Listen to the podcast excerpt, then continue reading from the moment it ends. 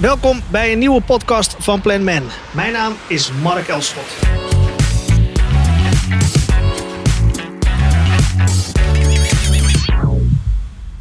Welkom bij een nieuwe podcast van Plan Man. Mijn naam is Mark Elschot. In de eerdere afleveringen hebben we het gehad over hoe je het stuur in handen neemt van je organisatie. Aandacht geven aan wat belangrijk is, namelijk workforce management. We hebben het gehad over hoe technologie je kan ondersteunen. Dat door gebruik van WFM-tooling, zoals bijvoorbeeld Calabrio, je beter en sneller tot een sluitende planning komt. En Gert Bruining vertelde daar in die uitzending hoe zo'n keuzeproces verloopt. We hebben ook Rens Vossen gesproken, die ons meenam in de processen van WFM. En heeft ons uitgedaagd om na te denken over zelf opzetten of uitbesteden. Hoe dat het allemaal kan werken, wat de voordelen zijn. Heeft praktijkvoorbeelden aangehaald van Consumentenbond en de NIBC-bank. Zoals jullie weten benaderen we vanuit Planman alles vanuit de drie eenheid. En dat is techniek, dat is proces en dat is de mens. Want je kunt nog zulke goede tooling hebben, briljante processen hebben uitbedacht, maar uiteindelijk is de WFM-professional toch minstens net zo belangrijk. Maar waar komen die WFM-professionals vandaan? Is er een school voor? Wie hebben we nog meer in het speelveld die belangrijk zijn? Zoals teamleiders, contact center managers. Ga zo maar door. En op welke manier zorgen we ervoor dat zij allemaal het beste uit zichzelf en workforce management halen? Mijn gast vandaag is Patrick Hubers, Principal Consultant bij Planman. Dankjewel, uh, Mark. Goed om hier te zijn. Ja, man. Als ik jouw uh, profiel lees, dan bruist dat van workforce management. Om te beginnen. Principal Consultant bij Planman. Kerndocent aan de WFM Academy. Bestuurslid van de Workforce Managers Association. Dus volgens mij kun jij me alles vertellen over hoe we WFM professionals moeten ontwikkelen. Ik hoop het. Uh, de grap is dat ik zelf eigenlijk autodidact ben ook in het vak. Dus, uh, en dat zegt maar weer waar de staat van WFM en opleiding op het gebied van WFM uh, was, in ieder geval in de tijd dat ik ermee begon. En wanneer ben je begonnen? eigenlijk ben ik een jaar of acht, negen begonnen geleden ehm, toen ik bij Planman kwam. Daarvoor heb ik wel van alles met WFM gedaan, maar nooit in een WFM-rol. Dus ik had met WFM te maken en ik ben me daarin gaan inlezen omdat ik procesverbeteraar was. En ik vond het een interessant vakgebied. Maar ik ben eigenlijk als consultant aan de slag gegaan en pas in die periode mezelf het vak gaan leren.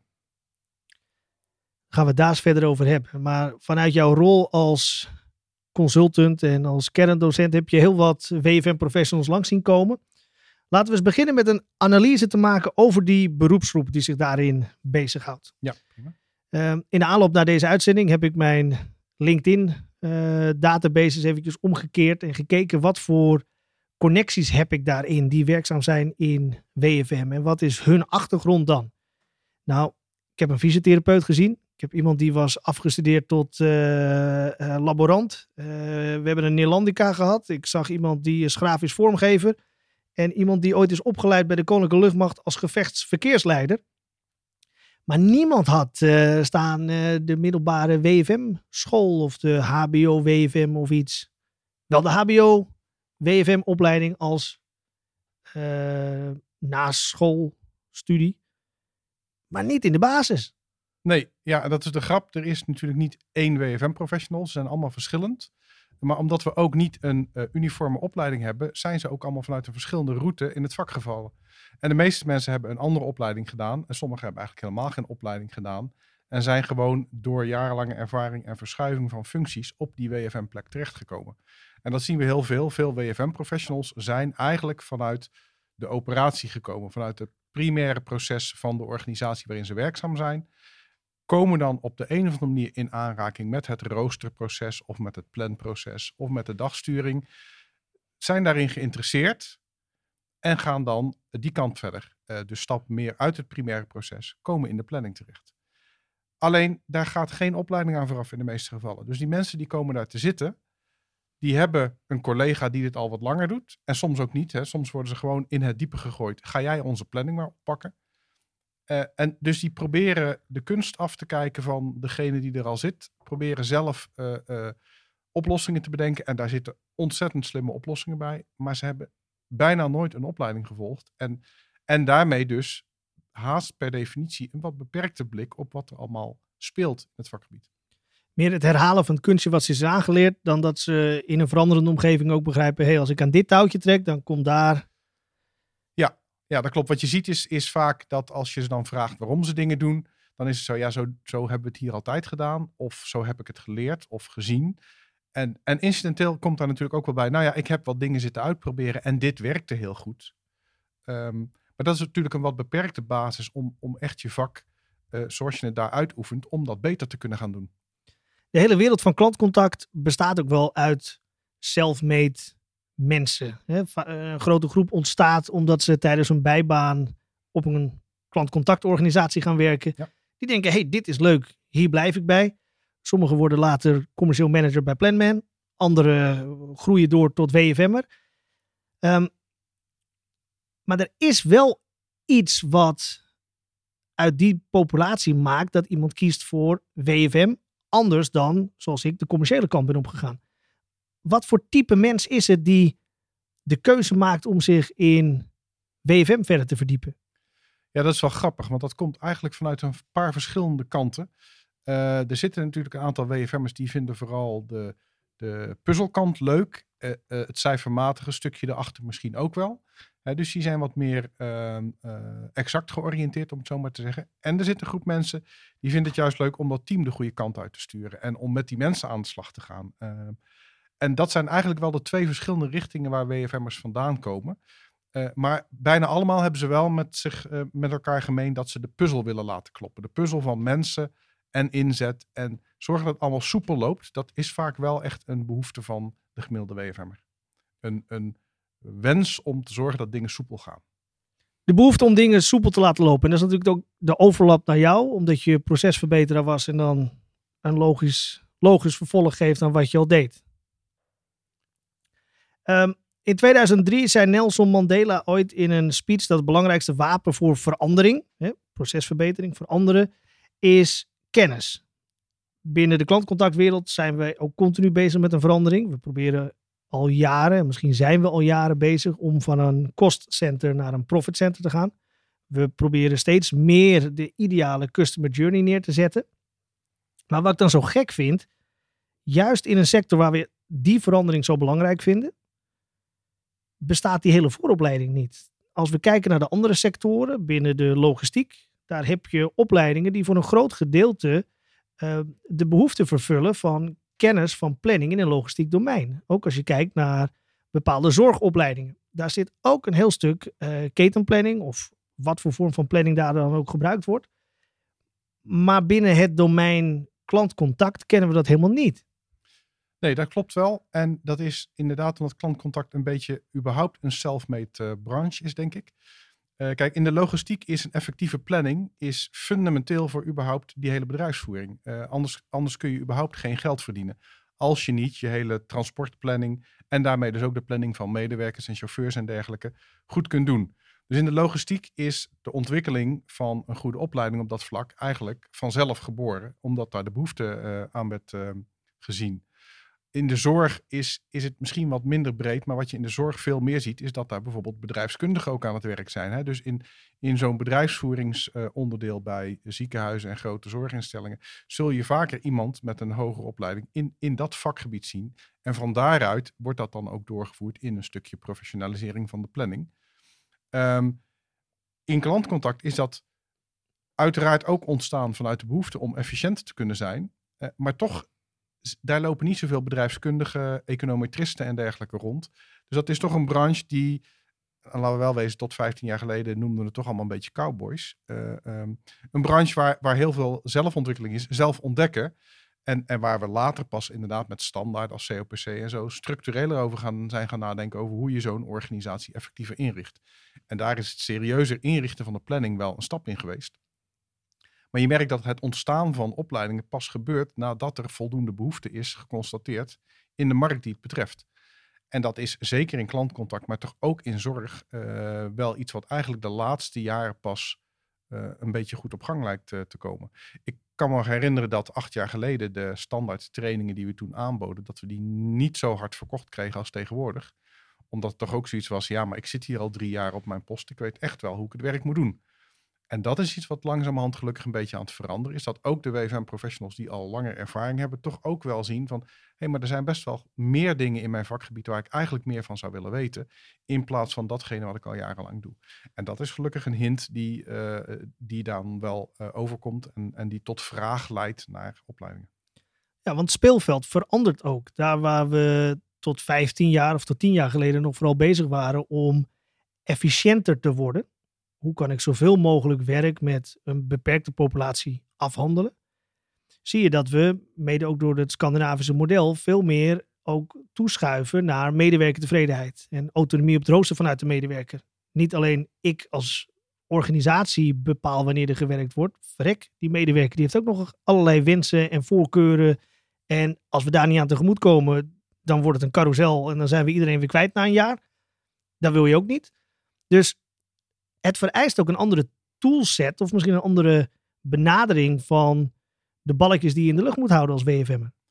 Ja, dat is zeker waar. En dat is ook goed dat je dat zegt. Hè. Waar een aantal jaar geleden uh, de noodzaak voor WFM voor een deel ook ontstond uh, om de klant een goede ervaring te kunnen bieden en, en ook tegelijk efficiënt te zijn, uh, zien we nou gelukkig wel met z'n allen dat het alleen maar kan als die medewerker daar ook op zijn plek zit. Als je een medewerker overvraagt door gewoon te, te weinig mensen in te zetten op te veel werk, dan gaan er dingen stuk. Dan gaat de kwaliteit gaat achteruit. Uh, medewerkers vallen uit, worden ziek.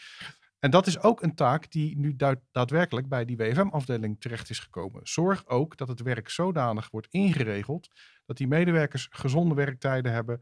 Uh, dat we zorgen dat, dat medewerkertevredenheid hoog blijft. Want daarmee is uiteindelijk ook de kwaliteit die medewerkers leveren is goed. En uiteindelijk dingen als uh, verzuim en uitstroom, die door zeer ontevreden medewerkers uiteindelijk ook uh, uh, ontstaan. Dat is, dat is ook mede een verantwoordelijkheid geworden van de WFM tegenwoordig. Ja, dus het gaat echt wel meer om hoeveel werk krijg ik en hoeveel poppetjes heb ik dan precies nodig om dat zo efficiënt mogelijk te doen. Stel nou, je weet niet of het waar is, je weet niet of het gebeurt, maar stel er zit ergens een directeur van een opleiding te luisteren. MBO, HBO, ergens. En die denkt, nou, die Hubers, hij klets lekker ik uh, geloof wel wat hij zegt. Je wordt gebeld. Hij zegt, ga jij die opleiding maar opzetten. Wat komt er dan in een, in een opleiding te staan? Als je daar de vrije hand in hebt. Ja, dat is een goede vraag. Um, nou ja, ten eerste moeten we op de een of andere manier zorgen dat we mensen daar enthousiast voor krijgen. Hè. Stel dat je inderdaad MBO'ers een opleiding tot planner wil laten volgen, dan moeten we ze kunnen uitleggen wat er zo fantastisch is aan het vak. Dus die Tuurlijk. liefde voor het puzzelen, het allemaal kloppend krijgen, zorgen dat die organisatie soepel uh, draait. Hè, wat jij zegt, wie, het stuur, uh, wie de planning in handen heeft, heeft het stuur in handen. Dat, dat zijn wel dingen die je, die je als eerste ook naar buiten moet brengen. Het gaat niet alleen om vakinhoud, het gaat er ook om mensen te enthousiasmeren.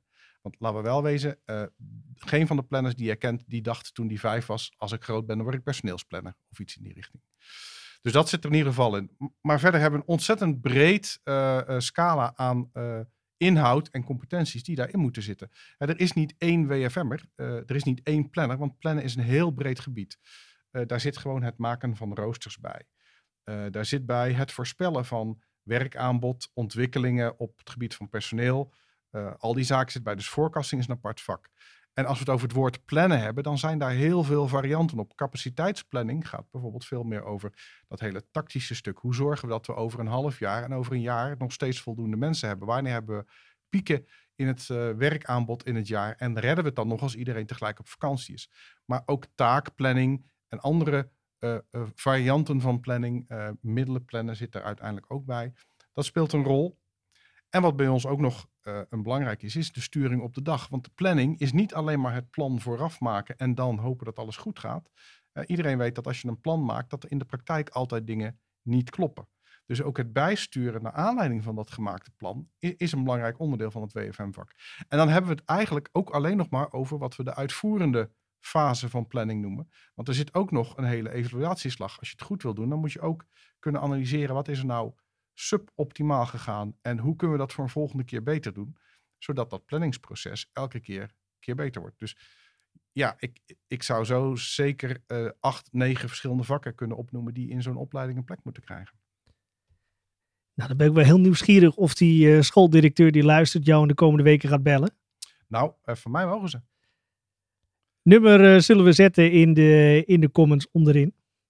Ik heb ook wel eens een onderzoekje gelezen en dat slaat wel aan op hetgeen wat je als laatste vertelde, Patrick. Dat in dat onderzoek, daar kwam uit naar voren dat creatieve denkers, bijvoorbeeld marketeers of filosofen, nooit heel erg sterk kunnen zijn in de exacte wetenschap of in de cijfers. En vice versa. Je noemt net een aantal verschillende onderdelen. Bestaat er dan één echte WFM'er? Of heb je daarbinnen toch ook weer zij die heel goed zijn als er scenario's uitgeschreven moeten worden of uitgedacht moeten worden? Zij die heel snel acteren op uh, traffic management of dagsturing? En zij die zo ontzettend goed zijn in data crunchen? Nou, daar zit, daar zit wel een verschil in. Uh, ik denk overigens wel dat creatief en analytisch prima samen kunnen gaan. En dat dat voor een aantal van die uh, functies in het planproces ook best wel heel zinvol is. Sowieso analyse, hè, als je in de evaluerende fase komt, is, is ook een creatief proces. Maar je ziet inderdaad wel dat je voor verschillende rollen verschillende competenties nodig hebt. Dus de, de roosterplanner heeft over het algemeen echt wel andere competenties nodig dan degene die de dagsturing doet.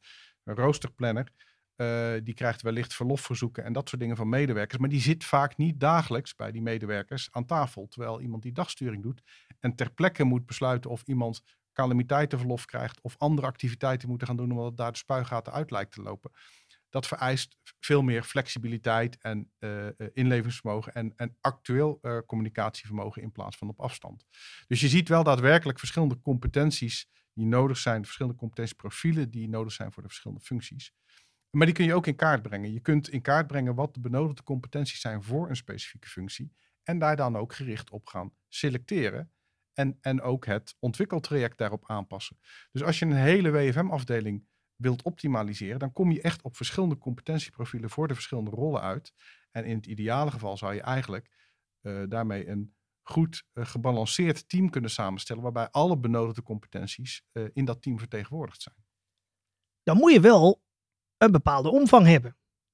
Als je één is geen, hè, dus je hebt altijd twee WFM'ers in je organisatie rondlopen, of je hebt Rens gebeld, maar we gaan ervan uit, je hebt twee WFM'ers. Zijn dat dan generalisten of maak je daarin ook dat onderscheid? Ja, dat is wel een interessante vraag. Kijk, hoe groter je wordt, hoe makkelijker het is om specialisten voor een bepaalde rol te nemen. Want je hebt immers alle rollen goed afgedekt. Uh, als je met een kleine team zit, dan zit je met meer overlap in verantwoordelijkheden en in functies. En heb je wellicht ook een breder competentieprofiel per medewerker nodig. Uh, wat in ieder geval bijna nooit bestaat, is die ene superplanner die in zijn eentje alles kan. Uh, dus, en zelfs als je met twee medewerkers je team vormt, dan zullen die niet allebei alles kunnen, maar wel voor een groot deel overlappend moeten zijn. Uh, en dat kan ook prima. Als de ene ziek is, dan kan het zijn dat hij voor een paar weken geen forecast kan maken. En dat zijn collega daar niet zo goed in is, maar die kan wel alle belangrijke dingen oppakken. Uh, dus je moet, je moet daar uiteraard in zoeken. En ja, een groot BFM-team heeft de luxe dat je makkelijker mensen met verschillende competentieprofielen bij elkaar kan gooien. En aan een uh, evenwichtige verdeling komt. En bij een kleine team is dat spannender, maar zeker niet onmogelijk. Zolang je maar niet van één planner verwacht dat die al die aspecten supergoed kan doen. Er zit ook wel bijna een mooie filosofische gedachte achter. Hè? Hoe compacter de afdeling is, met de afdeling bedoel ik dan de contact center operatie, hoe compacter die is, hoe minder WFM-specialisten je dus hebt, kan je dus in die situatie zitten dat je er met twee zit, hoe allrounder die WFM-specialisten moeten zijn. Ja. Zou je dan kunnen zeggen dat de beste WFM-specialisten in een compacte organisatie werken omdat ze daar alles kunnen? Nee, ik denk wel dat de, dat is dan weer jammer. dat de WFM'er in de compacte organisatie, om het zo te zeggen, dat daar het meest van gevraagd wordt. Aan de andere kant, die heeft ook geen collega's van wie die delen van het vak kan leren. Dus als je en geen opleiding hebt gehad en je hebt geen collega's met wie je kunt spiegelen en uh, uh, kunt kijken wat de beste aanpak is, dan is het best wel een eenzaam uh, beroep, denk ik.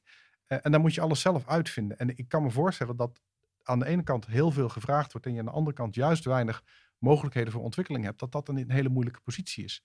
Dus ook in dat opzicht is een grote organisatie met meer BFM's heeft in ieder geval het voordeel dat je meerdere zienswijzen hebt op het vak en daarmee wellicht een aantal zaken beter kunt inrichten. Dus daarmee aan die beperkte organisaties twee vragen. Ontwikkel je eigen WFM-specialist die je er al hebt zitten. Absoluut. Maar aan de andere kant, kijk ook of er binnen je organisatie andere geïnteresseerden zijn. Slimme koppen, mensen die het vakgebied een, een, een warm hart toedragen. En geef die ook de kans en mogelijkheid om door te groeien. Ofwel op die eigen WFM-afdeling anders weer naar buiten toe te vliegen. Ja, ik denk ook dat dat een heel goed idee is. Hè. Wat je ziet in een grotere WFM-afdeling is dat bijvoorbeeld het analysestuk binnen de WFM-afdeling plaatsvindt. Als je een wat kleinere organisatie hebt, dan ben je voor rapportage en analyse waarschijnlijk meer afhankelijk van iemand die zich daarin gespecialiseerd heeft, maar die niet noodzakelijkerwijs alle details van WFM kent. Als je nou die uh, uh, analysemedewerkers ook een stuk WFM leert, hoe werkt dat dan met wachtrijtheorieën en met optimalisatie van inzet, et? Dan kan in ieder geval de planner samen met zo'n analist nadenken over wat is voor ons de beste insteek. Dus dan hoeft die planner niet dat analysestuk te beheersen, maar je moet wel die analist een stuk van het WFM-vak leren.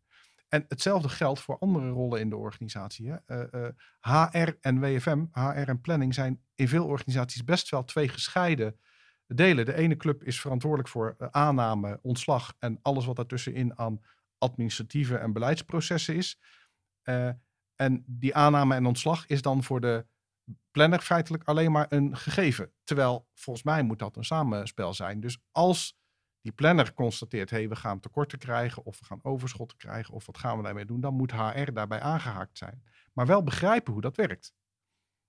Derde is uh, zo'n finance and control club, zo'n controle die over budgetten gaat en uh, iets over van efficiëntie vindt en uh, binnen zijn budget een bepaalde formatie toestaat die zou moeten begrijpen hoe dat WFM-plaatje werkt. Wat is dan een realistische formatie? Wat hebben we nodig om ons werk goed gedaan te krijgen? Tegelijkertijd een gezonde werkdruk te houden, zorgen dat er voldoende ruimte is voor mensen om verlof te nemen. Dat hele stukje wat die planner moet bewaken, moet die controle goed begrijpen. Want daarmee krijg je ook weer dat optimale samenspel tussen, uh, nou ja, hoe zullen we het zeggen, in, integrale planning komt er dan feitelijk overheen. Maar dat betekent dus wel dat iedereen die bij die integrale planning betrokken is, ook het stuk planning en het stuk WFM moet gaan begrijpen. Dus heb je maar één planner, zorg dan dat de mensen daaromheen ook dat vakgebied leren kennen.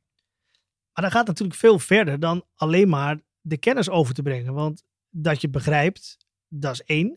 Maar het heeft ook te maken met een heel groot stuk aan draagvlak. Want je hebt natuurlijk niet alleen maar iemand van HR en iemand van finance of control die ergens iets van vindt of betrokkenheid heeft bij datgene wat er gebeurt in, uh, in je KCC we noemden net al die creatievelingen. Een marketeer die zal ook van alles en nog wat bedenken. En hele mooie campagnes maken. En daar heeft hij waarschijnlijk ook nagedacht over een conversie. Want dat heeft hij bij zijn baas moeten zeggen. Het gaat ja. me twee ton kosten, maar ik heb een conversie van x procent. Daarbij is geen gebrek aan kennis dat hij die informatie niet deelt met de KCC-operatie. Het is gewoon geen besef.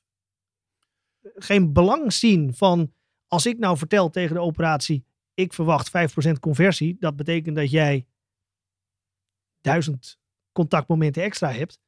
Ja. ja, dat is wel grappig dat je dat zo zegt. Want dat is eigenlijk een beetje een cliché haast in contactcenterland bijvoorbeeld.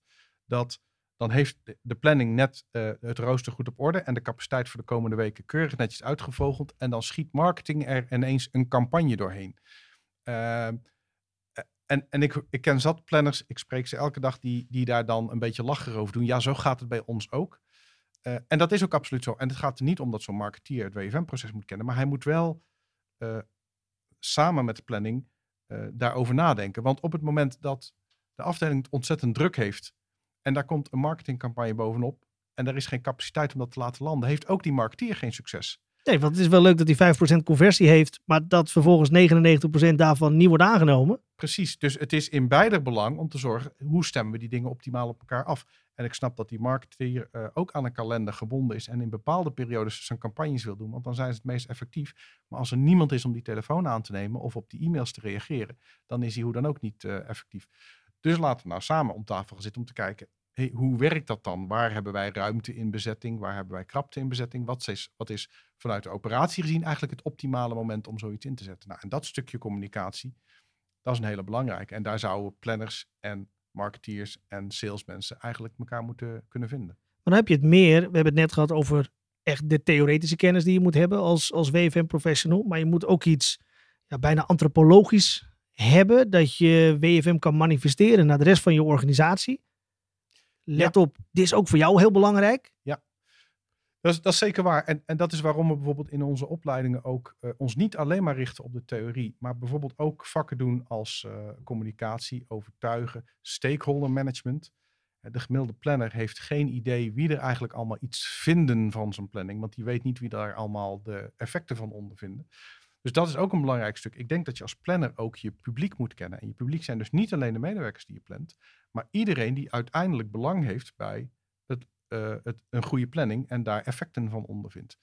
Dus, dus dat soort aanverwante vakken zijn ook belangrijk voor de planner. Het- je kunt niet volstaan met alleen maar weten hoe werkt roosteroptimalisatie, eh, hoe werkt wachtrijtheorie, eh, hoe bereken ik efficiëntie en wat voor KPI's kun je daarvoor inrichten. Dat alleen is niet voldoende om een goede planner te zijn. Een goede planner kan eh, spreken met de mensen in zijn organisatie die belangrijk zijn of belang hebben bij hetgeen wat hij doet.